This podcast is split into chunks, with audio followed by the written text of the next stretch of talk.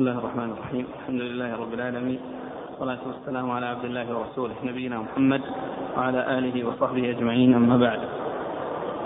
قال الإمام الحافظ أبو عيسى الترمذي يرحمه الله تعالى قال في جامعه في كتاب الفتن باب ما جاء في الخلفاء. قال حدثنا أبو كريب محمد بن العلا قال حدثنا عمر بن عبيد الطنافسي عن سماك بن حرب عن جابر بن سمرة رضي الله عنه أنه قال قال رسول الله صلى الله عليه وعلى آله وسلم يكون من بعدي اثنا عشر أميرا. قال ثم تكلم بشيء لم أفهمه فسألت الذي يليني. فقال قال كلهم من قريش. قال أبو عيسى هذا حديث حسن صحيح. قال حدثنا أبو كريب. قال حدثنا عمر بن عبيد عن أبيه عن أبي بكر بن أبي موسى عن جابر بن سمرة رضي الله عنه عن النبي صلى الله عليه وعلى آله وسلم مثل هذا الحديث. قد روي من غير وجه عن جابر بن سمرة. قال أبو عيسى هذا حديث حسن صحيح غريب. يستغرب من حديث أبي بكر بن أبي موسى عن جابر بن سمرة. وفي الباب عن ابن مسعود وعبد الله بن عمرو رضي الله عنهم أجمعين. بسم الله الرحمن الرحيم. الحمد لله رب العالمين وصلى الله وسلم وبارك على عبده ورسوله نبينا محمد وعلى آله وأصحابه أجمعين. أما بعد فيقول الإمام أبو عيسى الترمذي رحمه الله في جامعة باب في الخلفاء.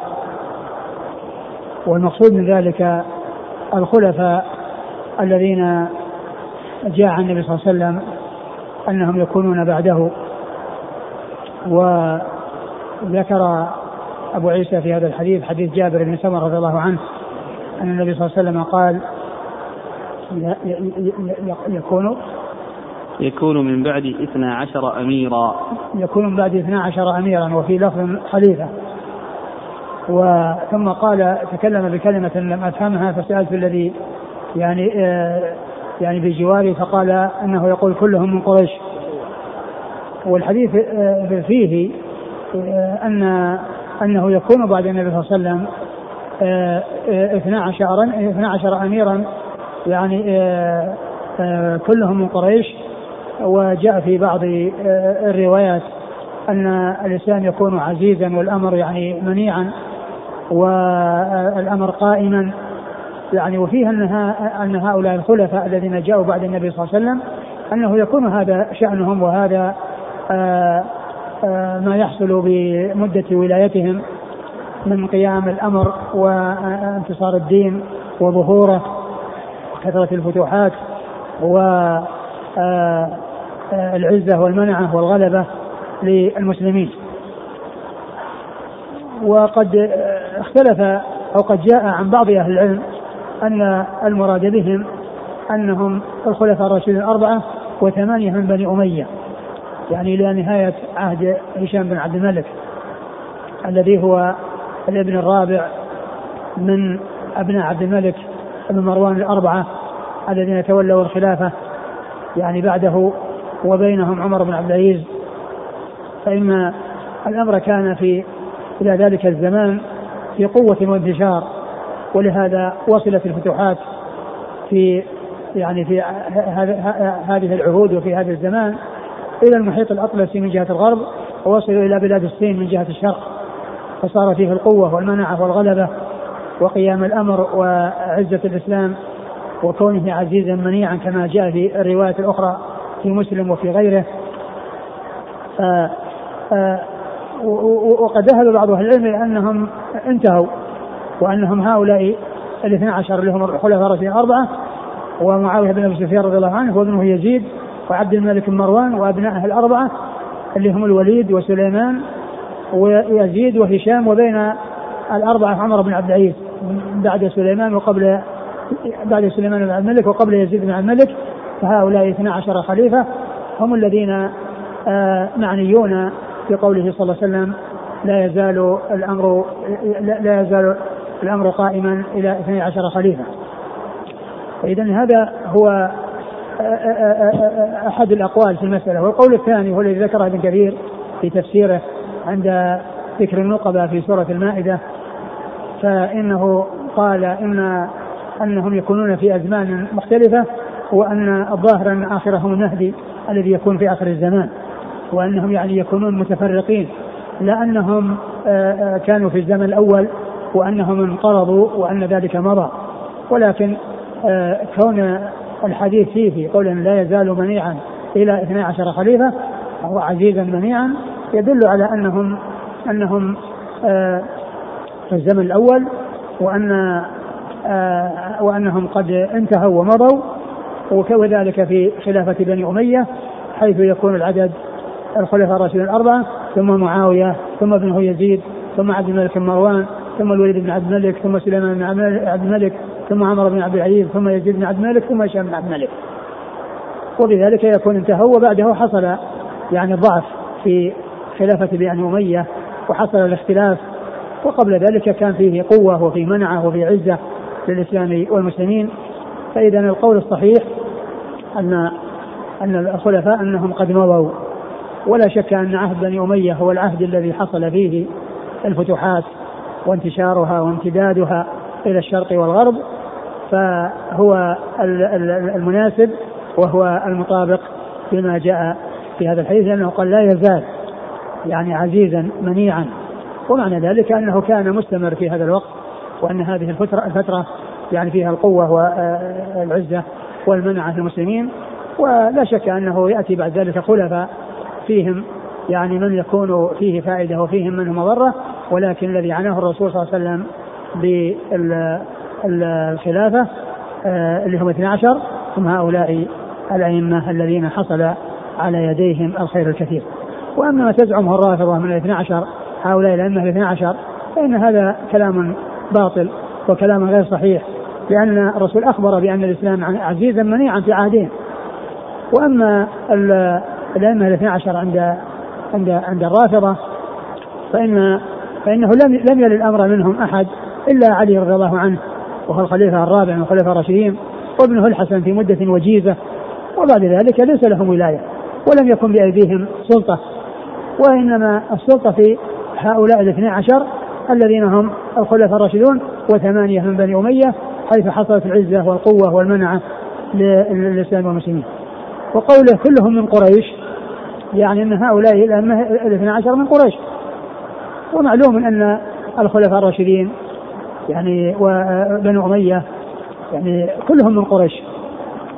لأن آه، آه، الخلفاء الراشدين أربعة أقربهم إلى الرسول صلى الله عليه وسلم علي لأنه ابن عمه ثم بعده عثمان لأنهم بني عبد شمس ثم بعده عمر الذي هو من كعب بن لؤي ثم بعده أبو بكر الذي هو من تيم بن مرة فكلهم من قريش وقريش هم أولاد فهر بن مالك أولاد فهر بن مالك الذي هو الأب الحادي عشر للرسول صلى الله عليه وسلم. فهر بن مالك بن النضر بن كنانة الأب الحادي عشر للرسول صلى الله عليه وسلم نسله هم قريش. فمن كان من نسل فهر بن مالك فإنه قرشي. وهؤلاء الأئمة الاثنى عشر كلهم من نسل فهر بن مالك الذي هو آه الذي تنتسب إليه قريش. وكما ذكرت آه العدد الذي اتفق عليه في نسب الرسول صلى الله عليه وسلم 21 أبا. 21 أبا. وفهر بن مالك هو الأب الحادي عشر للرسول صلى الله عليه وسلم الذي هو الوسط في هؤلاء آه، الواحد وعشرين ابتداء من عبد الله والد النبي صلى الله عليه وسلم إلى عدنان الذي هو الأب الحادي والعشرون والذي يقول فيه الشاعر وكم أب قد علا بابن ذرى شرف كما علا برسول الله عدنان. يعني أن أن الجد والأب قد يشتهر بسبب الإبن لأن من الأجداد ومن الآباء من لا يكون معروفا ولكنه يشتهر بسبب إبنه حيث يقال فلان ابن فلان فلان ابن فلان فيأتي اسمه في نسبه فيشتهر ذلك ال ال يعني أولئك الآباء أو الذين من لم يكون مشهورا من الآباء فإنه يشتهر بسبب نسبة آه، من يكون من أبنائه ذا شرف وذا عزة ومكانة وعلو منزلة. آه، نقرأ الحديث. يكون من بعد اثنى عشر أميرا. قال ثم تكلم بشيء لم أفهمه فسألت الذي يليني فقال كلهم من قريش. يعني هذه الجملة ما فهمها وأنه يعني سأل الذي يليه فقال إنه يقول كلهم من قريش أي كلهم من أولاد فهر بن مالك الذي هو الأب الحادي عشر للرسول صلى الله عليه وسلم. والمهدي الذي يأتي في آخر الزمان هو من قريش بل هو من من من, من أهل البيت ومن نسل الرسول صلى الله عليه وسلم. لكن الحديث يعني يدل على أن الوقت الذي حصل في زمانهم أنه يعني فيه قوة وفيه منعة وفيه غلبة وفيه آه انتشار الإسلام وهذا حصل في الصدر الأول وفي الزمن الأول وبعد ذلك حصل الاختلاف وحصل الافتراق. نعم. قال حدثنا أبو كريب محمد بن العلاء. هو ثقة أخرج أصحاب في الستة. عن عمر بن عبيد الطنافسي. عمر بن عبيد الطنافسي هو؟ صدوق في أصحاب الكتب. وأبوه؟ لا هنا سيأتي بعدين. كان سماك بن حرب. نعم عن سماك. نعم. سماك بن حرب هو صدوق أخرجه البخاري تعليقا ومسلم وأصحاب السنة عن جابر بن سمرة. صحابي أخرجه أصحاب الكتب الستة. قال حدثنا أبو كريب عن عمر بن عبيد عن أبيه. أبوه هو. صدوق البخاري المفرد والترمذي. نعم. عن أبي بكر بن أبي موسى. وهو ثقة اخرج أصحاب الكتب الستة. عن جابر بن سمرة. نعم. قال وفي الباب عن ابن مسعود. عبد الله مسعود الهذلي صاحب رسول الله صلى الله عليه وسلم و وهو أحد فقهاء الصحابة. وحديثه اخرج أصحاب الكتب الستة. وعبد الله بن عمرو. وعبد الله بن عمرو بن العاص رضي الله تعالى عنهما أحد العباد الأربعة من أصحاب رسول الله صلى الله عليه وسلم وحديثه أخرجه أصحاب الكتب الستة.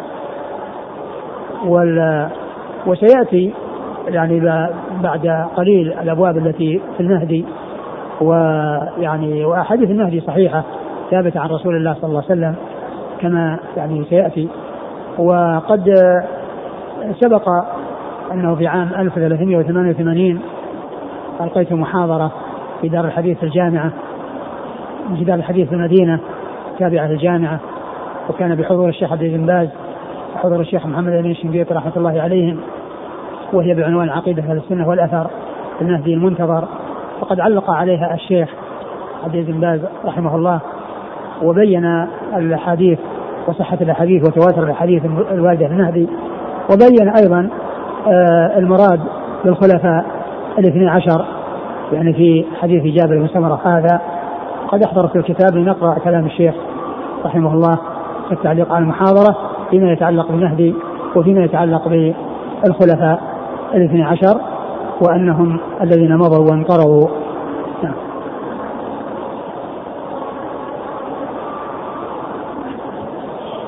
في أول كتاب الثاني.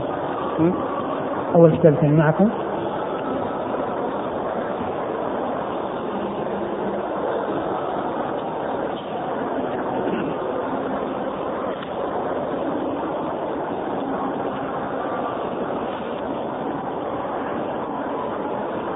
157 كلمة تعقيب على المحاضرة. إيه؟ هذا هو. أول إيه؟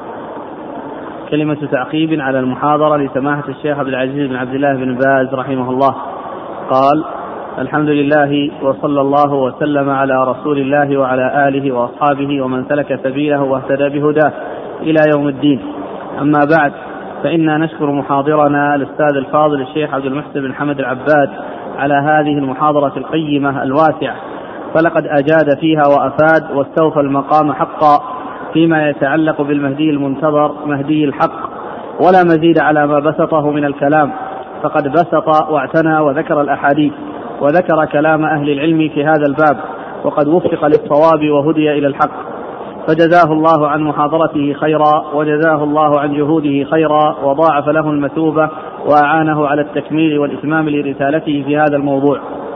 وسوف نقوم إن شاء الله بطبعها بعد انتهائه منها لعظم فائدتها ومسيس الحاجة إليها. والخلاصة التي أعلقها على هذه المحاضرة القيمة أن أقول إن الحق والصواب هو ما أبداه فضيلته في هذه المحاضرة كما بينه أهل العلم.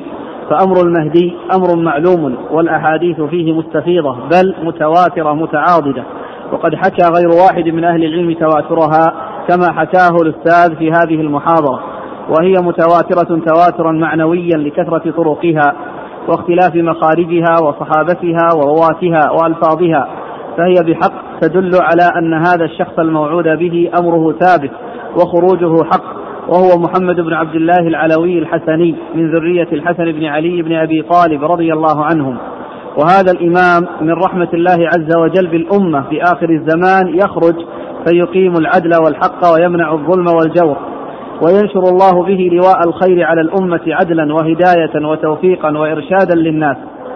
وقد اطلعت على كثير من أحاديثه فرأيتها كما قال الشوكاني وغيره وكما قال ابن القيم وغيره فيها الصحيح وفيها الحسن وفيها الضعيف المنجبر وفيها أخبار موضوعة. ويكفينا من ذلك ما استقام سنده سواء كان صحيحا لذاته أو لغيره وسواء كان حسنا لذاته أو لغيره. وهكذا الأحاديث الضعيفة إذا انجبرت وشد بعضها بعضا فإنها حجة عند أهل العلم. فإن المقبول عندهم أربع فإن المقبول عندهم أربعة أقسام. صحيح لذاته وصحيح لغيره وحسن لذاته وحسن لغيره. هذا ما عدا المتواتر. أما المتواتر فكله مقبول. سواء كان تواتره لفظيا أو معنويا. فأحاديث المهدي من هذا الباب متواترة تواترا معنويا فتقبل بتواترها من جهة اختلاف ألفاظها ومعانيها وكثرة طرقها وتعدد مخارجها ونص أهل العلم الموثوق بهم على ثبوتها وتواترها. وقد رأينا أهل العلم أثبتوا أشياء كثيرة بأقل من ذلك والحق أن جمهور أهل العلم جمهور أهل العلم بل هو كالاتفاق على ثبوت أمر المهدي وإنه حق وأنه سيخرج في آخر الزمان. أما من شذ عن أهل العلم في هذا الباب فلا يلتفت إلى كلامه في ذلك.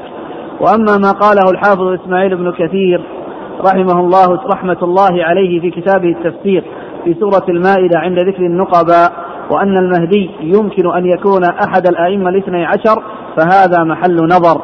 فإن الرسول عليه الصلاة والسلام قال لا يزال أمر هذه الأمة قائما ما ولي عليهم اثنا عشر خليفة كلهم من قريش.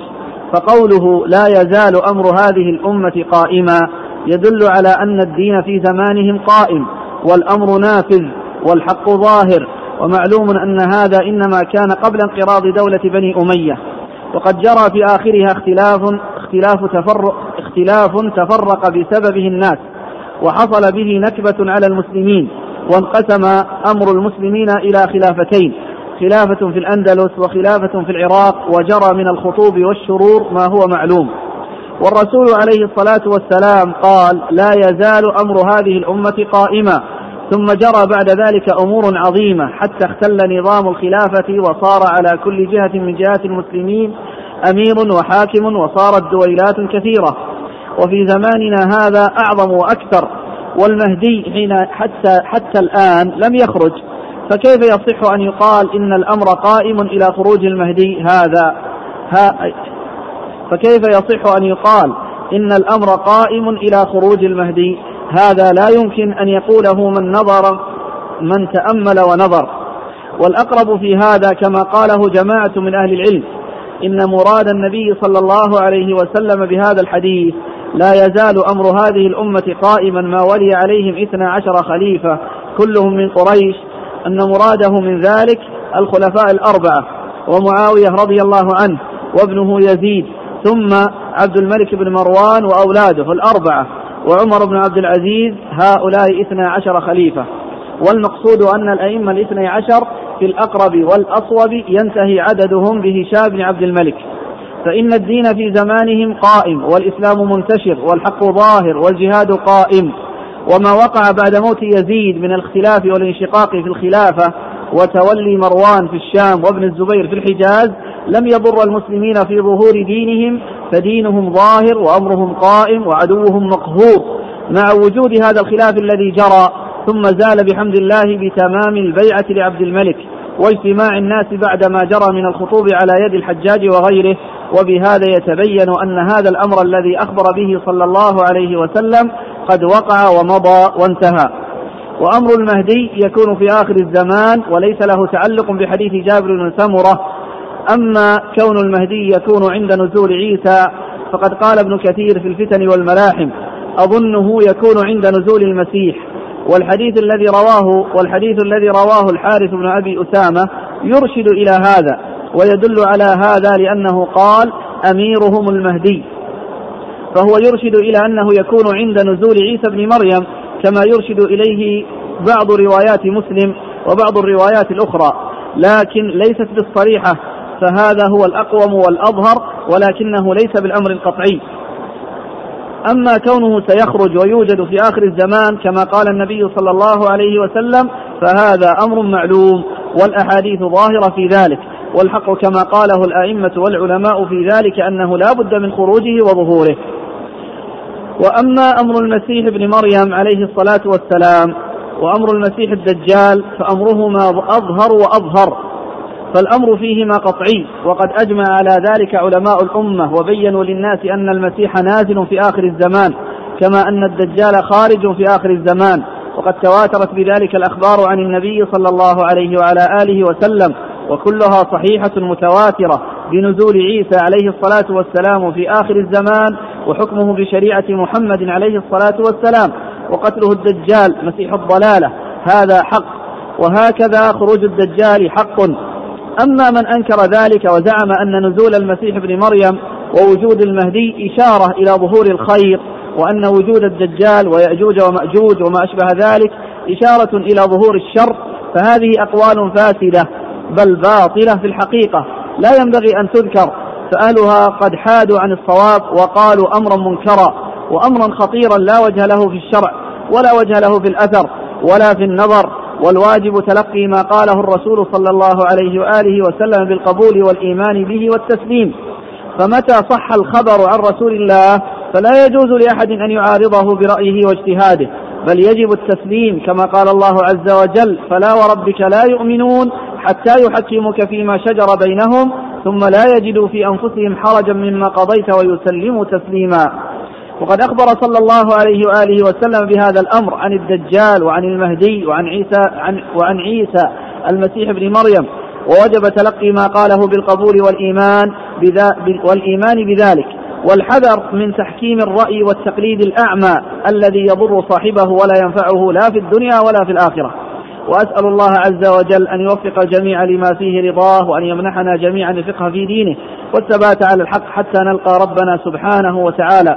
وأعود أيضا فأشكر فضيلة الأستاذ على محاضرته القيمة الواسعة. وأسأل الله له المعونة على الإتمام والإكمال حتى تطبع وتنشر فينتفع بها الناس. وصلى الله على عبده ورسوله محمد وآله وصحبه أجمعين. وأنا سبق أني كما يعني في المحاضرة وكما ذكر الشيخ وعدت بأنني سأتوسع فيها وسأكملها ولم أفعل ذلك ولكن حصل بعد ذلك في سنة 1400 آه كتابة للشيخ المحمود آه رئيس محاكم قطر بعنوان لا مهدي ينتظر بعد رسول خير البشر ورددت عليه ب يعني آه بحث مطول نشر في مجلة الجامعة في عددين وبعد ذلك نشر طبع يعني مع هذا الكتاب يعني في يعني في مع بعض وقد ذكرت يعني في التعليق أنني يعني لم أقم يعني الكتابة حول الموضوع ولكن أنني كتبت يعني ردا على المحمود وأنني اكتفيت بذلك. وقد جرى طبع الكتابين مع بعض. وفي آخر المحاضرة ذكرت كلمة ختامية فيما يتعلق ب يعني مهدي أهل السنة وأنه لا علاقة له بمهدي آه، الرافضة. كلمة ختامية في الآخر آخر المحاضرة. كلمة الختامية في أنه لا علاقة لعقيدة أهل السنة في المهدي بعقيدة الشيعة. إن أحاديث المهدي الكثيرة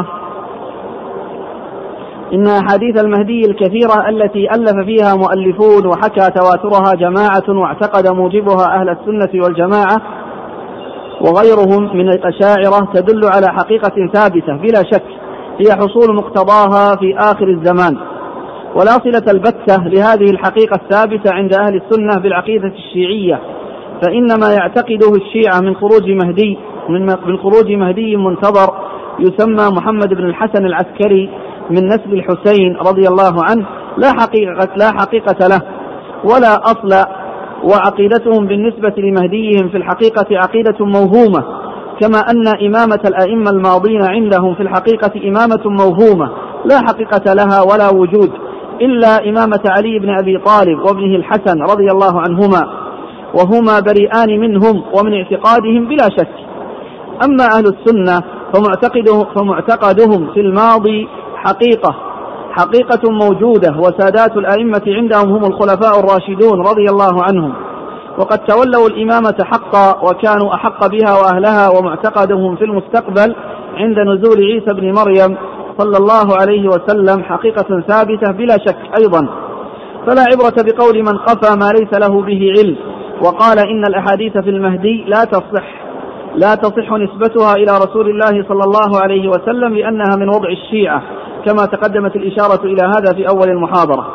وإذا فإن أحاديث المهدي على كثرتها وتعدد طرقها وإثباتها في دواوين أهل السنة يصعب كثيرا القول بأنه لا حقيقة لمقتضاها إلا على جاهل أو مكابر أو من لم يمعن النظر في طرقها وأسانيدها ولم يقف على كلام أهل العلم المعتد بهم فيها. والتصديق بها داخل في الإيمان بأن محمد رسول الله صلى الله عليه وسلم لأن من الإيمان به صلى الله عليه وسلم تصديقه فيما أخبر به. وداخل في الإيمان بالغيب الذي امتدح الله المؤمنين به بقوله ألف لام ميم ذلك الكتاب لا ريب فيه هدى للمتقين الذين يؤمنون بالغيب. وداخل في الإيمان بالقدر فإن سبيل علم الخلق بما قدره الله أمران. أحدهما وقوع الشيء فكل ما كان ووقع علمنا أن الله قد شاءه لأنه لا يكون ولا يقع إلا ما شاءه الله وما شاء الله كان وما لم يشأ لم يكن. الثاني الإخبار بالشيء الماضي الذي وقع وبالشيء المستقبل قبل وقوعه من الذي لا ينطق عن الهوى صلى الله عليه وسلم. فكل ما ثبت إخباره به من الأخبار في الماضي علمنا بأنه كان على وفق خبره صلى الله عليه وسلم. وكل ما ثبت إخباره عنه مما سيقع في مما يقع في المستقبل نعلم بأن الله قد شاءه وأنه لا بد وأن يقع على وفق خبره كإخباره صلى الله عليه وسلم بنزول عيسى عليه الصلاة والسلام في آخر الزمان وإخباره بخروج المهدي وبخروج الدجال وغير ذلك من الأخبار. فإنكار أحاديث المهدي أو التردد في شأنه أمر خطير. نسأل الله السلامة والعافية والثبات على الحق حتى الممات. اللهم زينا بزينة الإيمان واجعلنا هداة مهتدين. وآخر دعوانا أن الحمد لله رب العالمين. نعم نرجع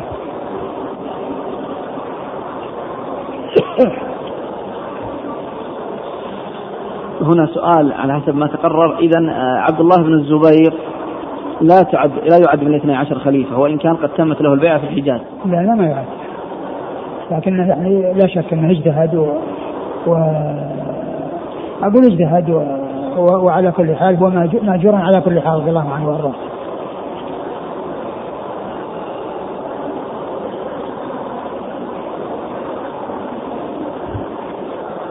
وإذا ثبت التواتر في أحاديث المهدي وهذه الأحاديث فهل حينئذ من ينكرها يحكم عليه بالكفر؟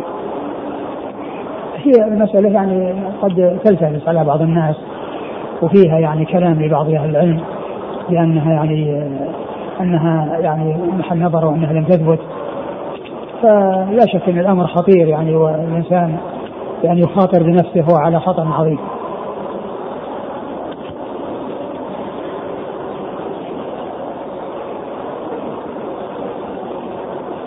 نعم نعم.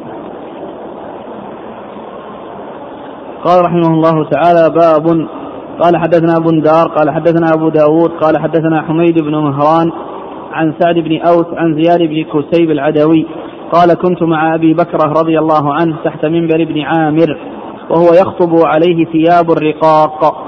فقال أبو بلال انظروا إلى أميرنا يلبس ثياب الفساق. فقال أبو بكره اسكت سمعت رسول الله صلى الله عليه وعلى آله وسلم يقول من أهان سلطان الله في الأرض أهانه الله. قال أبو عيسى هذا حديث حسن غريب. ثم أبو عيسى هذه ترجمة عباد ويتعلق ب يعني أمير من الأمراء وكان يعني قال فيه رجل يعني عند أبي بكرة انظروا إلى أميرنا يلبس لباس الفستاق وكان عليه ثياب رقاق ويعني يحتمل أن تكون يعني إنها إنها رقيقة وأنها من من مما يعني يفعله المنعمون. فلما قال هذه المقالة أنكر عليه أبو بكر وقال إن إن هذا يعني إن كلام يعني في الأمراء و أو في الأمير وأن وروى الحديث عن رسول الله صلى الله عليه وسلم وقال من أهان سلطان الله في الأرض أهانه الله. وقد جاء أن آه اكرام يعني يعني من أكرم أميرا أكرمه الله ومن أهانه أهانه الله. يعني فهذا يدل على أن الكلام في الأمراء والذي يترتب عليه يعني حصول النفرة وحصول الفرقة وتعذيب الناس عليهم والقدح فيهم أن ذلك يعود بالمضرة ولا يعود على ولا يعود على المسلمين بمصلحة. ولهذا أنكر أبو بكر رضي الله عنه على هذا الرجل وقال له اسكت فإن الرسول صلى الله عليه وسلم قال من أهان سلطان الله في الأرض أهانه أهانه الله. والواجب أن أن الإنسان إذا رأى أمرا منكرا أو أمرا لا يسوق فإنه يبين ذلك أو ينصح الذي يعني آه، يلاحظ عليه ذلك برفق ولين وبسرية وبعدم إظهار ذلك لأن الإظهار في النصح وإبرازه وإعلانه لا يأتي بخير. وأيضا الإنسان أي إنسان لا يحب أن آه، ينصح علانية ولا يحب أن ينصح بغضب وقوة قسوة وإنما يحب أن ينصح بلين ورفق وأن يكون ذلك بخفية وسر. فعلى الإنسان أن يعامل الناس بمثل ما يعامله به. وهذا في حق سائر الناس وأما في حق الولاة الذين يترتب على القدح فيهم والكلام فيهم وإعلان يعني القدح فيهم يترتب على ذلك النفرة والفرقة بين الناس وما يؤدي ذلك إلى الفوضى وإلى الاختلاف الذي لا يعود على المسلمين إلا بالضرر فإن هذا لا يسوغ ولا يجوز. نعم. قال حدثنا بندار بندار محمد بن بشار ثقة. أخرجه أصحاب الكتب الستة وهو شيخ لأصحاب الكتب الستة. عن أبي داوود أبو داوود سليمان بن داوود الطيالسي وهو ثقة. أخرجه البخاري تعليقا ومسلم وأصحاب السنن. عن حميد بن مهران. وهو؟ ثقة أخرجه الترمذي والنسائي. نعم. عن سعد بن أوس. وهو؟ صدوق له أغاليط أخرجه أبو داود والترمذي والنسائي. نعم. عن زياد بن كسيب. وهو؟ مقبول أخرجه الترمذي والنسائي. نعم. عن أبي بكرة. نعم. أبي بكرة رضي الله عنه نفيع بن الحارث. وهو صاحب رسول الله صلى الله عليه وسلم أخرج له أصحابه في الستة والحديث في إسناده مقبول وهو الذي يعني يقبل عند المتابعة وقد جاء يعني آه، بعض الأحاديث وبعض الروايات تشهد لهذا المعنى الذي آه، جاء في هذا الحديث.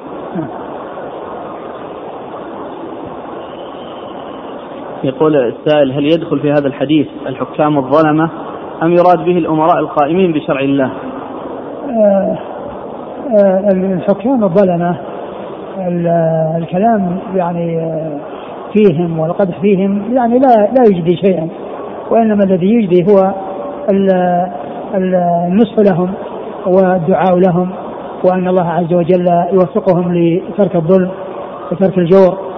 ولهذا يعني عقيدة السنة والجماعة يعني لا يرون الخروج على الأئمة وكذلك لا يعني يحصل الكلام الذي يؤدي إلى الخروج. لأن نشر الكلام فيهم وإظهاره وإعلانه يعني يخفف من شأنهم في القلوب ويجعل القلوب تنفر منهم فيحصل لهم. فإذا كان الخليفة عنده شيء من الظلم وعنده شيء من الجور فإنه آه، آه، يصبر على جوره ويسأل الله عز وجل أن آه، يعني يوفقه لترك الجور. وأن يجعل فيه آه، يوفقه لما فيه صلاح الإسلام والمسلمين وما يعود على المسلمين بالخير. وإلا فإن الكلام في الولاة والكلام في, ولاة الأمور يعني ب يعني على وجه يعني يترتب عليه المضره غير مطلوب. ولهذا يقول الطحاوي ولا نرى الخروج على أمتنا ولاة أمورنا وإن جاروا. وذلك أنه يترتب على الخروج عليهم أو على تعليم الناس عليهم حصول الفتن التي هي أشد من الجور وأعظم من الجور وقد ذكر ابن القيم رحمه الله في كتابه إعلام الواقعين 99 دليلا على سد الذرائع وذكر منها يعني مسألة الخروج على الولاة وأنه يترتب على الخروج عليهم من المفاسد والأضرار أضعاف أضعاف ما يحصل من ظلمهم وجورهم. قال رحمه الله تعالى باب ما جاء في الخلافة. قال حدثنا يحيى بن موسى قال حدثنا عبد الرزاق قال أخبرنا معمر عن الزهري عن سالم بن عبد الله بن عمر عن أبيه رضي الله عنه أنه قال قيل لعمر بن الخطاب رضي الله عنه لو استخلفت قال إن أستخلف فقد استخلف أبو بكر رضي الله عنه وإن لم أستخلف لم يستخلف رسول الله صلى الله عليه وآله وسلم. قال أبو عيسى وفي الحديث قصة وهذا حديث صحيح قد روي من غير وجه عن ابن عمر. ثم أورد أبو عيسى رحمه الله الترجمة باب في الخلافة. في الخلافة. يعني آه يعني كيف تتم الخلافة وكيف يعني يوصل إلى الخلافة؟ ومن المعلوم أن الخلافة في الإسلام يعني آه لها يعني طرق أربع. الطريق الأولى قالوا ما لو نص رسول الله صلى الله عليه وسلم على على خليفة فإنه يكون هو الخليفة. ولكن لم يحصل نص من رسول الله صلى الله عليه وسلم على أن فلان هو الخليفة من بعده لا أبو بكر ولا غيره. ولكنه جاء نصوص تدل على أن أبا بكر هو الأحق بالأمر من بعده وذلك في أمره بأن يصلي بالناس في مرض موته. ولهذا قال عمر له يوم استقيف رضيك رسول الله صلى الله عليه وسلم لأمر ديننا أفلم يرضيك لأمر دنيانا؟ وأوضح شيء وأبين شيء يدل على أنه الحق بالأمر من بعده ما رواه البخاري في صحيحه عن عائشة رضي الله عنها أنها قال أن أن أنها قالت إن أن النبي صلى الله عليه وسلم قال لها ادعي لي أباك وأخاك لأكتب كتابا فإني أخشى أن يتمنى متمني أو يقول قائل أنا أولى فيأبى الله والمؤمنون إلا أبي بكر. ويأبى الله والمؤمنون إلا أبي بكر. هذا الحديث في صحيح البخاري. والرسول صلى الله عليه وسلم هم أن يكتب كتابا يعني في الخلافة لأبي بكر ولكنه ترك ذلك لما علم من أن المسلمين ستلتقي أفئدتهم وستجتمع كلمتهم بطواعية منهم ورغبة منهم على تقديم أبي بكر رضي الله عنه وأرضاه وهذا هو الذي قد حصل وهذا هو الذي قد تم بعد وفاته صلى الله عليه وسلم فإن الناس اجتمعوا على خيرهم وبايعوا أبا بكر رضي الله عنه وأرضاه. ف يعني من من أهل العلم من قال إن خلافة الرسول صلى الله عليه وسلم تمت خلافة أبي بكر تمت بعهد من رسول الله صلى الله عليه وسلم وهذا إن أريد به عهد خاص يقول فيه النبي صلى الله عليه وسلم الخليفه بعد فلان فهذا لا وجود له وإن أريد به أمور واضحة تدل دلالات قوية على حقيته وأولويته فهذه موجودة وكثيرة وأبينها وأوضحها هذا الحديث الذي في البخاري الذي أشرت إليه.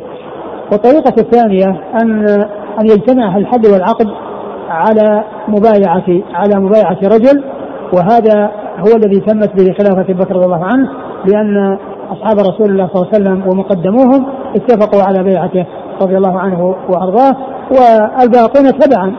لأن أهل الحل العقد إذا بايعوا فإن الباقين يكونون تبعا ولا يلزم أن كل واحد يأتي ويضع يده في يد الإمام ويبايعه بل إذا اجتمع أهل الحل والعقد وتمت البيعة منهم فإن الأمر يثبت بذلك والباقون سواهم يكونون تبعا لهم وأبو بكر رضي الله عنه بويع يوم السقيفة في السقيفة ثم بويع في المسجد بيعة عامة بعد ذلك.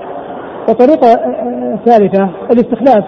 وهي أن يعهد الخليفة إلى رجل يلي الأمر من بعده. وبهذا تمت البيعة في عمر رضي الله عنه. فإن أبا بكر استخلفه وعهد إليه بالخلافة رضي الله تعالى عنهما. وتمت الخلافة بذلك. وهذا الحديث وهذا الأثر الذي أورده أبو عيسى رحمه الله عن عمر أنه كان في مرض موته لما كان في مرضه الناس جاءوا يعودونه فقيل له ألا تستخلف يا أمير المؤمنين؟ ألا تستخلف يا أمير المؤمنين؟ فقال إن أستخلف فقد استخلف من هو خير مني. يعني ابا بكر وإن لم يستخلف فلم يستخلف من هو خير يعني من الجميع رسول الله صلى الله عليه وسلم. يعني ف ف ف, ف يعني يعني هذا الأثر عن عمر رضي الله عنه يدل على أنه إن استخلف فله سلف وإن لم يستخلف فله سلف.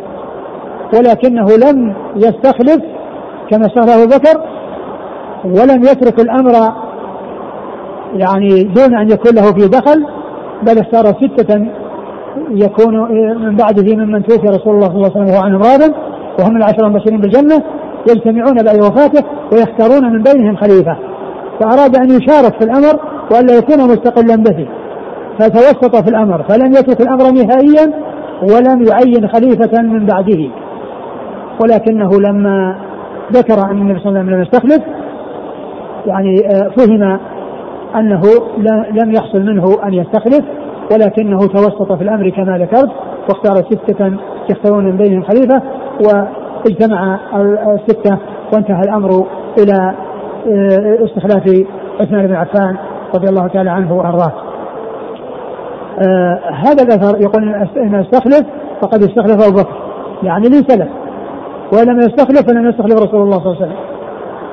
قال يعني آه أحد الرواة قال فعلمنا أحد الصحابة قال فعلمنا أنه حين ذكر رسول الله صلى الله عليه وسلم أنه لم يستخلف. لكنه توسط في الأمر كما ذكرت.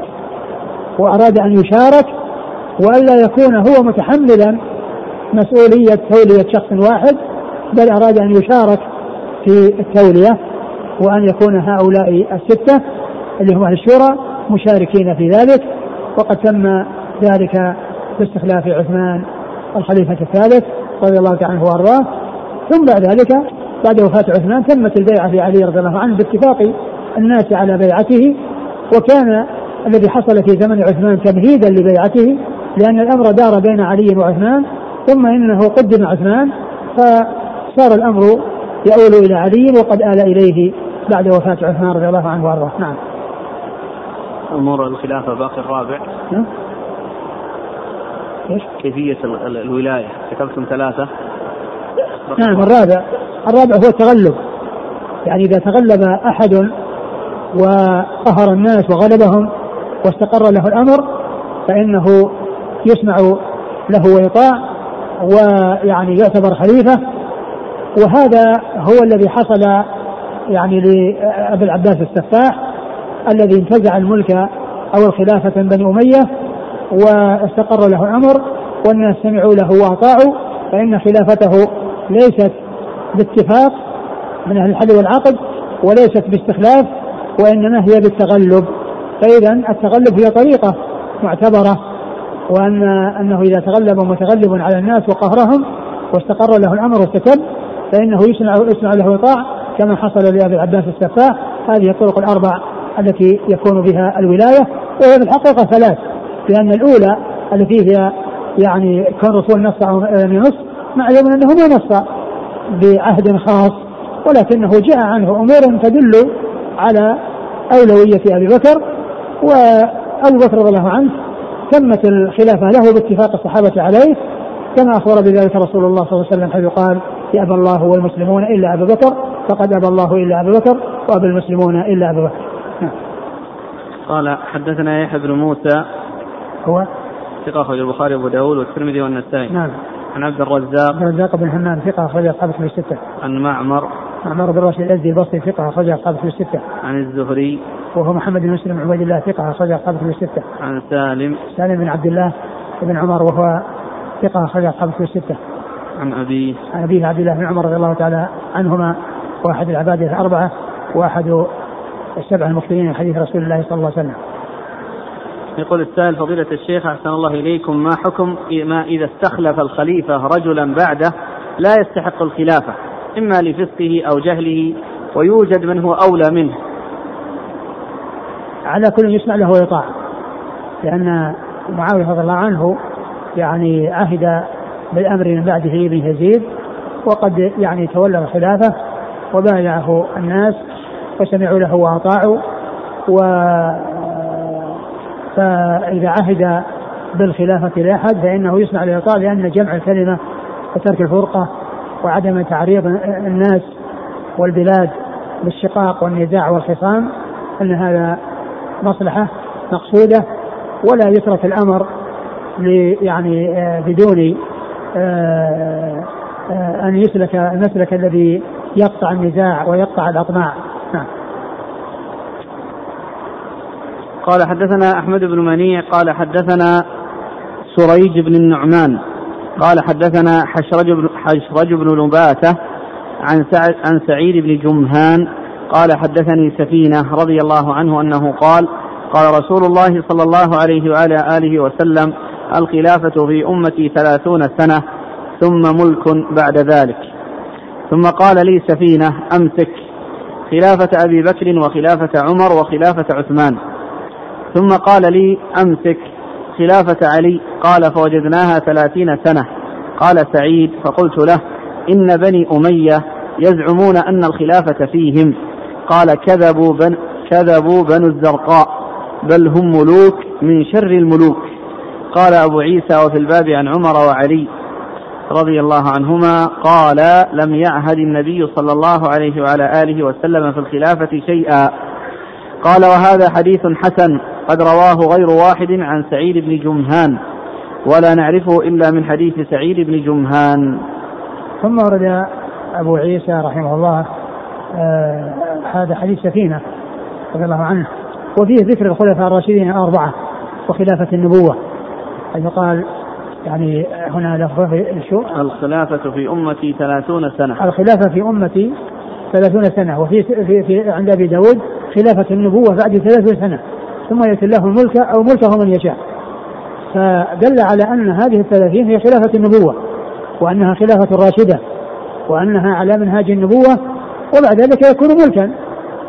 وكون يعني كونه ملك لا يعني ينفي أن يكون الملك خليفة لأن الحديث الذي مر حديث جابر بن سمرة 12 خليفة كلهم من قريش.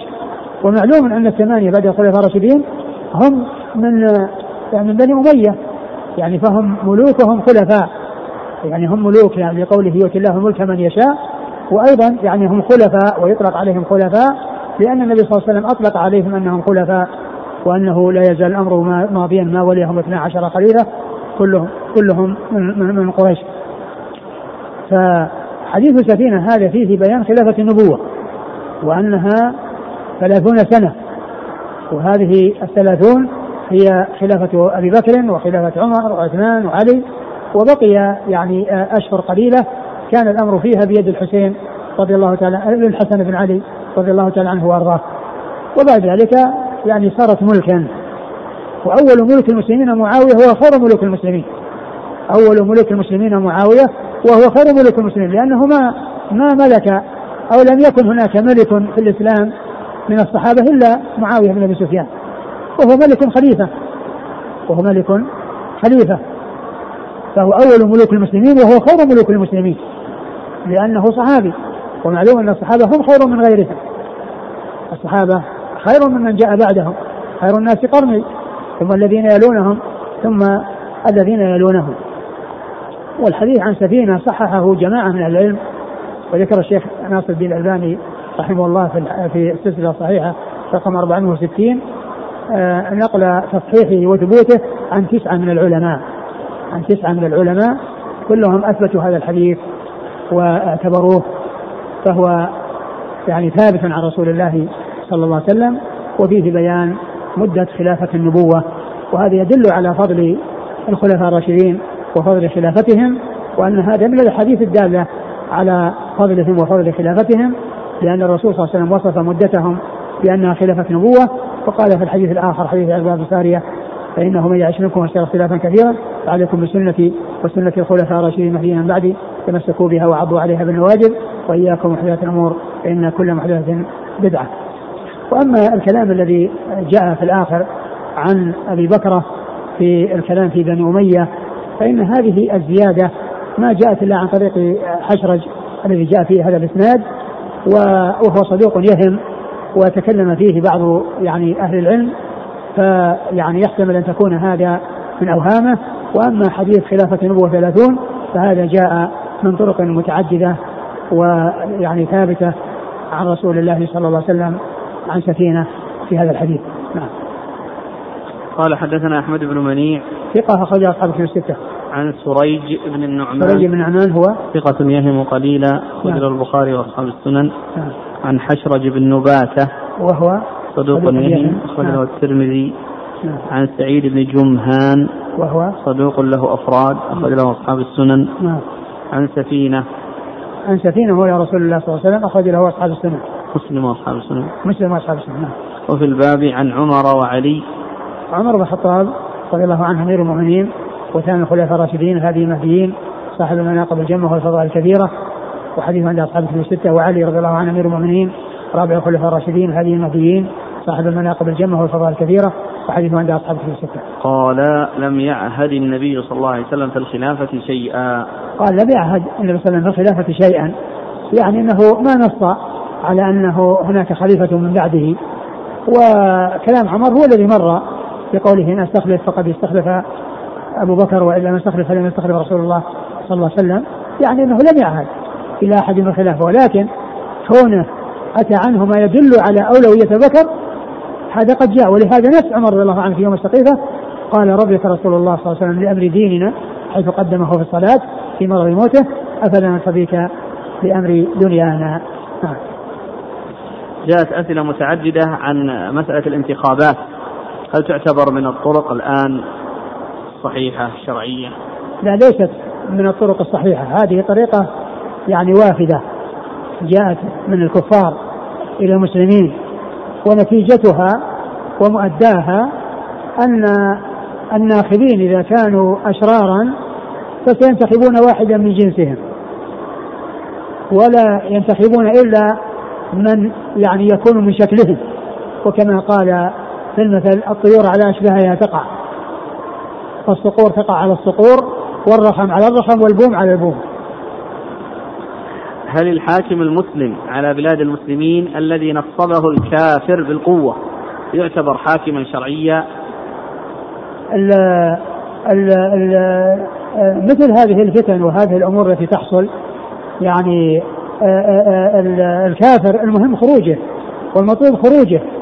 وإذا خرج الناس أو أهل البلد يعني يتفقون فيما بينهم على أن يولوا من شاء. والمهم أن الكافر يخرج. وكون الناس يعني آآ آآ يعملون على إخراج الكافر من بلادهم والولاية التي يعني حصلت من, من الكافر يعني يسمعون له ويطيعون وبعد ذلك يعني يمكن أن يختاروا يعني غير ذلك الذي نصبه الكافر.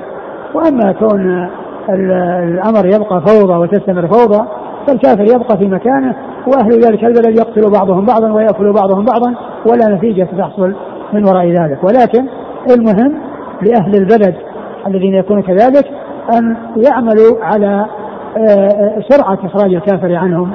وبعد ذلك يعني يتفقون فيما بينهم ويفعل الله ما يشاء. نعم. في الأقليات الإسلامية تكون هناك الجمعيات الإسلامية. فهل يعتبر رئيس هذه الجمعية بمثابة ولي الأمر للمسلمين الذي يعيشون الذين يعيشون في تلك نعم يكون مرجع لهم. يكون مرجعا لهم في آه، في يعني تنظيم شؤونهم ومتابعتهم والدفاع عنهم ويعني آه، آه، خدمتهم وتقديم المصالح لهم. لكنه ما يكون يعني خليفة أو يكون والي يقيم الحدود. ليس ليس هذا من شأنه.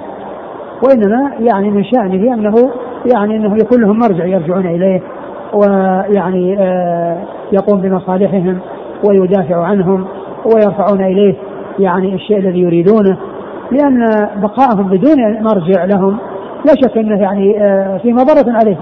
وإذا كان لهم مرجع يرجعون إليه ويستفيدون منه فإن هذا لا يقال إنه خليفة ولكنه يعني يقال إنه مرجع لهم يعني يستفيدون منه وأما كونه خليفة حكمه حكم الخليفه وأنه يقوم ب آه، آه، ما يقوم به الخليفة من تنفيذ الحدود وما إلى ذلك هذا ليس ليس بخليفة. قال رحمه الله تعالى باب ما جاء أن الخلفاء من قريش إلى أن تقوم الساعة. قال حدثنا حسين بن محمد البصري قال حدثنا خالد بن الحارث قال حدثنا شعبة عن حبيب بن الزبير قال سمعت عبد الله بن أبي الهذيل يقول كان ناس من ربيعة عند عمرو بن العاص رضي الله عنه. فقال رجل من بكر بن وائل لتنتهين قريش أو ليجعلن الله هذا الأمر في جمهور من العرب في جمهور من العرب غيرهم. فقال عمرو بن العاص كذبت. سمعت رسول الله صلى الله عليه وعلى آله وسلم يقول قريش ولاة الناس في الخير والشر إلى يوم القيامة. قال قال أبو عيسى وفي الباب عن ابن مسعود وابن عمر وجابر وهذا حديث حسن غريب صحيح. ثم أورد أبو عيسى هذا باب في أن الخلفاء من قريش إلى أن تقوم أن الخلفاء من قريش إلى أن تقوم الساعة. يعني أنه عند اجتماع الناس لاختيار خليفة فإنهم يختارون واحدا من قريش. و وقد جاءت الأحاديث كثيرة في ذلك في الصحيحين وفي غيرهما وقد عرفنا أن قريش هم أولاد بن مالك. يعني كما ذكرت في أول الدرس أن أن أن, أن سهل مالك هو الأب الحادي عشر للرسول صلى الله عليه وسلم. فاختيار آه، الخليفة يعني من قريش واتفاق أهل الحل والعقد على ذلك إذا كان الأمر في يعني في اختيار ويختار يعني من قريش هذا هو الذي تدل عليه النصوص.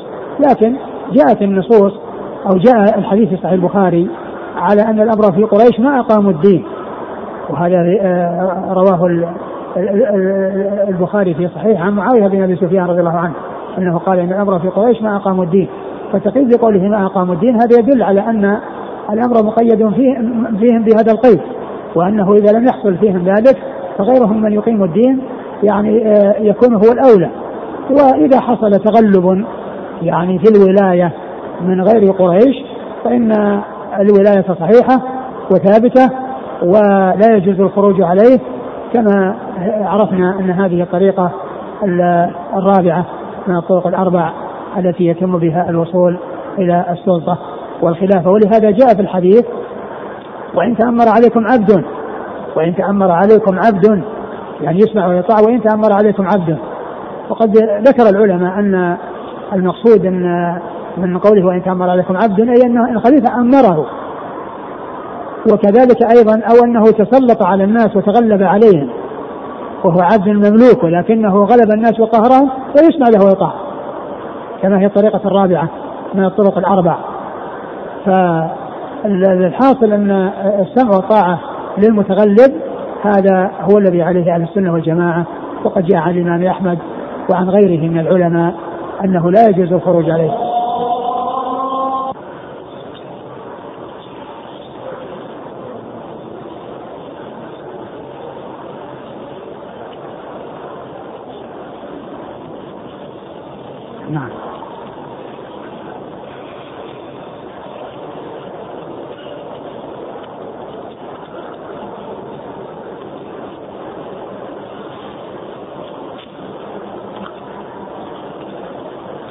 الحديث آه، قال كان ناس من ربيعة عند عمرو بن العاص نعم ربيعة ربيعة هو أخو مضر ابن نزار ربيعة ومضر أخوان. ويعني أبوهما نزار. ابن نزار بن معد بن عدنان. نعم. كان ناس من ربيعة عند عمرو بن العاص فقال رجل من بكر بن وائل نعم. لتنتهين قريش أو لا يعني من ربيعة من بكر بن يعني من ربيعة. لتنتهين قريش أو ليجعلن الله هذا الأمر في جمهور من العرب غيرهم. فقال عمرو بن العاص كذبت. سمعت رسول الله صلى الله عليه وسلم يقول قريش ولاة الناس في الخير والشر إلى يوم القيامة. قوله ولاة الناس في الخير والشر يعني جاء يعني الناس تبع لقريش مسلمهم تبع لمسلمهم وكافرون تبع لكافرين. يعني أنهم ولاة في الجاهلية والإسلام يعني في الخير والشر يعني في الجاهلية والإسلام فكانوا الولاة يعني في الجاهلية وهم الولاة في الإسلام ولهذا جاء يعني الناس تبع لقريش مؤمنهم تابع لمؤمنهم وكافرهم تابع لكافرهم. يعني فكانوا في الجاهلية الكفار آه، تابعون لهم وهم كفار. وفي الإسلام يعني يكون المسلمون تابعون لهم وهم مسلمون. فهذا مقصود بقوله في الخير والشر مثل ما جاء في الحديث الآخر. مسلمهم يعني آه، مع مسلمهم وكافرهم تابع لكافرهم. وحديث معاوية بن أبي سفيان يعني الذي فيه أنهم إذا ما أقاموا الدين أو أن الحق فيهم يعني مقيد بإقامتهم والدين هذا في صحيح البخاري. نعم. قال حدثنا حسين بن محمد البصري هو؟ صدوق وله الترمذي والنسائي. نعم. عن خالد بن الحارث. خالد بن الحارث الهجيمي ثقة أخرج أصحاب الستة. عن شعبة. شبه الحجاج الواسطي ثقة أخرج أصحاب الكتب الستة. عن حبيب بن الزبير وهو ثقة أخرج له أخرج له أبو داود في المراسيل والترمذي. نعم. عن عبد الله بن أبي الهذيل وهو ثقة أخرج البخاري القراءة ومسلم والترمذي والنسائي. نعم. عن عمرو بن عن عمرو بن العاص. عمرو بن العاص رضي الله عنه أخرج أصحاب الكتب الستة. قال وفي الباب عن ابن مسعود. نعم. وابن عمر وجابر. جابر بن عبد الله الأنصاري رضي الله عنهما أحد السبع المكثرين من حديث رسول الله صلى الله عليه وسلم. قال رحمه الله تعالى باب. قال حدثنا محمد بن بشار العبدي. قال حدثنا أبو بكر الحنفي عن عبد الحميد بن جعفر عن عمر بن الحكم قال سمعت أبا هريرة رضي الله عنه يقول قال رسول الله صلى الله عليه وعلى آله وسلم لا يذهب الليل والنهار حتى يملك رجل من الموالي يقال له جهجاه. قال أبو عيسى هذا حديث حسن غريب. ثم أبو عيسى يعني باب وهو الذي يعني تابع الذي قبله ولكنه يعني آه، آه، خليفة وليس من قريش وإنما هو من الموالد. ثم أيضا هو يملك يعني معناه أنه يعني يتغلب يعني على الناس. فقال يعني لا تذهب الليالي لا تذهب. لا يذهب الليل والنهار. لا يذهب الليل والنهار حتى يملك رجل حتى يملك رجل من الموالي الموالي يقال له الجهجاه. يقال له الجهجاه. وهذا مما أخبر به الرسول صلى الله عليه وسلم وأنه يكون يعني في آخر الزمان وأنه لا يذهب الليل والنهار. يعني معناه ما تنتهي الدنيا وينتهي يعني الليل والنهار قبل أن يحصل هذا الذي أخبر به النبي صلى الله عليه وسلم أي أنه خبر لا بد وأن يقع. وذلك في آخر الزمان. ويعني وهو رجل من الموالي يعني من العجم آه، واسمه الجهجاه. نعم. قال حدثنا محمد بن بشار العبدي نعم. عن أبي بكر الحنفي وهو؟ ثقة أخرج أصحاب الكتب. نعم. عن عبد الحميد بن جعفر وهو؟ صدوق ربما وهم أخرج البخاري تعليقا ومسلم وأصحاب السنن. نعم. عن عمر بن الحكم وهو؟ ثقة أخرج البخاري تعليقا ومسلم وأبو داود والترمذي والنسائي. نعم. عن أبي هريرة. أبو هريرة عبد الرحمن بن صخر الدوسي رضي الله عنه أكثر الصحابة حديثا. انتهى. والله تعالى أعلم وصلى الله وسلم وبارك على نبينا ورسوله نبينا محمد وعلى آله وأصحابه أجمعين. جزاكم الله خيرا وبارك الله فيكم. ألهمكم الله الصواب ووفقكم الحق. ونفعنا الله بما قلتم وغفر الله لنا ولكم وللمسلمين أجمعين. آمين. هنا فائدة عن ابن كثير رحمه الله في سورة آه، البقرة عند قوله تعالى إني جاعل في الأرض خليفة. يقول ابن كثير رحمه الله وقد استدل القرطبي وغيره في هذه الآية على وجوب نصب الخليفة ليفصل بين الناس فيما اختلفوا فيه ويقطع تنازع تنازعهم وينتصر لمظلومهم من ظالمهم ويقيم الحدود ويزجر عن تعاطي الفواحش إلى غير ذلك من الأمور المهمة التي لا تمكن إقامته إلا بالإمام وما لا يتم الواجب إلا به فهو واجب. والإمامة تنال بالنص كما يقوله طائفة من أهل السنة في أبي بكر أو بالإيماء إليه كما يقوله آخرون منهم أو باستخلاف الخليفة باستخلاف الخليفة آخر بعده كما فعل الصديق بعمر بن الخطاب أو بتركه شورى في جماعة صالحين كذلك كما فعله عمر أو باجتماع أهل الحل والعقد على مبايعته أو مبايعة واحد منهم له. فيجب التزامها عند الجمهور. وحكي وحكى على ذلك وحكى على ذلك إمام الحرمين الإجماع والله أعلم. أو بقهر واحد الناس أو بقهر واحد الناس على طاعته. فتجب لئلا يؤدي ذلك إلى الشقاق والاختلاف وقد نص عليه الشافعي. ويجب أن يكون حرا ذكرا بالغا عاقلا مسلما عدلا مجتهدا بصيرا سليم الأعضاء خبيرا بالحروب والآراء قرشية على الصحيح. ولا يشترط الهاشمي ولا المعصوم من الخطأ خلافا للغلاة من الرافضة. آه نعم القرطبي ذكر عند تفسير هذه الآية آه الكلام على الخلافة والولاية وما يتعلق بها وذكر شروطا عشرة وذكرها شيخنا الشيخ الشنقيطي رحمة الله عليه في أضواء البيان عند تفسير هذه الآية. وذكر الكلام الذي يتعلق بالخلافة والخلفاء عند يعني هذه الآية والشروط المتفق عليها يعني آه التي لا إشكال فيها يعني القرشي يعني مثل ما قال ابن كثير على الصحيح والقرطبي يعني ذكر الخلاف ويعني في ذلك والأحاديث واضحة يعني في هذا يعني ثابتة عن رسول الله صلى الله عليه وسلم وكونه حرا أيضا كذلك متفق عليه. وما جاء في بعض الأحاديث أنه آه، سمع طاعه للعدو إن تأمر يحمل على أن الخليفة أمره على قرية أو على جماعة أو أنه آه، آه، تغلب على الناس بقوته وشوكته فيسمع له ويطاع أو أنه من من الشيء الذي يذكر وإن كان لا يقع في الوجود يعني مبالغة يعني في السمع والطاعه لو حصل وإن كان لا يحصل. مثل قوله لئن أشركت لا يحبطن عملك وهو لا يشرك عليه الصلاة والسلام فلا يحبط عمله. وإنما هذا يعني بيان أن أي إنسان يحصل منه هذا الشيء فإنه يحبط عمله والرسول صلى الله عليه وسلم لا يحصل منه هذا الشيء. فهي ما يذكر على سبيل المبالغة في الشيء وإن كان لا يحصل. أو أنه كان آآ آآ حرا فيما مضى ولكنه حين كان عبدا فيما مضى ولكن حين البيعة كان حرا فيكون عبدا باعتبار ما كان.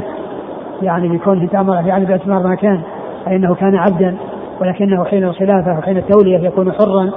هذه أجوبة أربعة أربعة أجوبة أربعة يجاب بها عن يعني آه، ما ورد في قوله ذكر آه، تأمر العبد.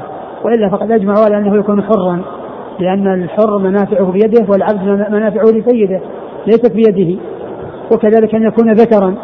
وهذا أيضا محل إجماع. فلا يجوز أن يتولى على الناس امرأة. وقد قال عليه الصلاة والسلام لن يفلح قوم ولوا أمرهم امرأة. وفي هذا الزمان كثر الكلام على النساء وانفلاتهن ومساواتهن بالرجال في كل شيء. وهذه نتيجة الديمقراطية المزعومة التي آه، وفدت على بلاد المسلمين من أعدائهم. ولا شك أن المسلمين لا يقوم لهم قائمة ولا يستقيم أمرهم إلا إذا تمسكوا بكتاب ربهم وسنة نبيهم صلى الله عليه وسلم وابتعدوا عما يأتيهم من أعدائهم من الشرور التي لا نهاية لها ولا حد. وأن يكون أيضا يعني عاقلا أن يكون مكلفا فلا يكون مجنونا ولا صغيرا. لأن المجنون يعني مرفوع عنه القلم والصغير مرفوع عنه القلم فلا يصلح أن يكون خليفة وهذا لإجماع العلماء. جزاكم الله خيرا. سبحانك اللهم وبحمدك أشهد أن لا إله إلا أنت.